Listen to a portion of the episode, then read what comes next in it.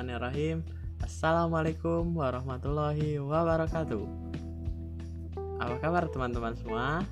Semoga kabar baik ya.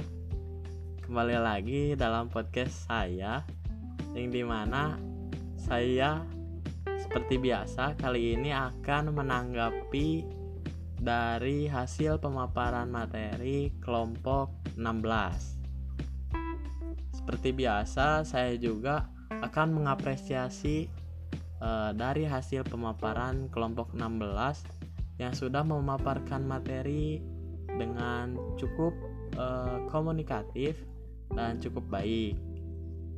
Langsung saja kepada inti dari podcast ini di mana pematerian ini menurut saya cukup unik.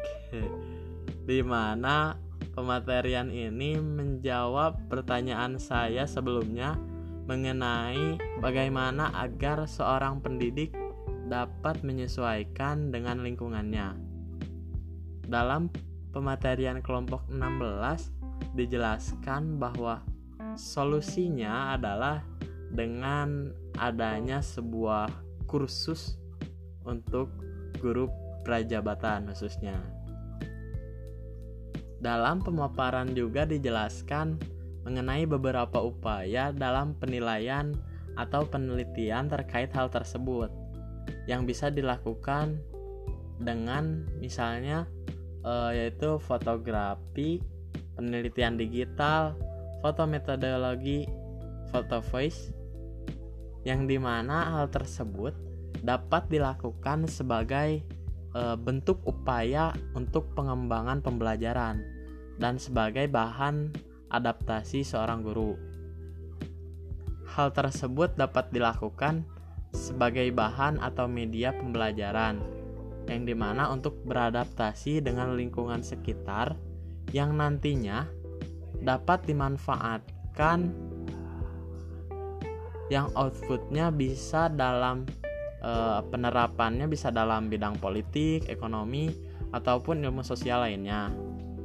Dengan metode-metode tersebut, juga seorang pendidik dapat uh, secara langsung melibatkan peserta didik sehingga nantinya peserta didik dapat berperan uh, lebih aktif dalam proses pembelajaran. Saya sepakat dengan apa yang dipaparkan karena menurut saya dengan uh, melakukan melibatkan peserta didik dalam suatu pembelajaran akan pembelajaran akan terlihat lebih efektif. Hal tersebut juga e, menurut saya dapat diterapkan di Indonesia.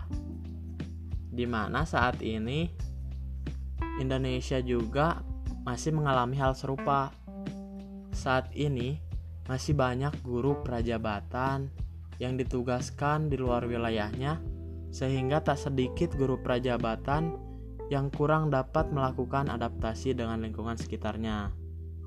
Selanjutnya, mengenai pertanyaan, apakah menurut kalian sependapat dengan eh, apa yang saya sampaikan bahwa hal atau suatu metode tersebut dapat diterapkan di Indonesia sebagai eh, bentuk upaya dalam pengembangan atau peningkatan kualitas guru yang nantinya akan berimbas pada peningkatan kualitas pendidikan itu sendiri.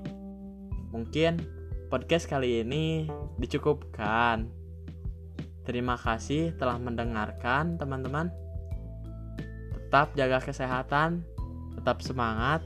Saya Ramdan Darmawan dengan NIM 1902348 undur diri dan selamat bertemu di podcast tanggapan-tanggapan selanjutnya. Wassalamualaikum warahmatullahi wabarakatuh.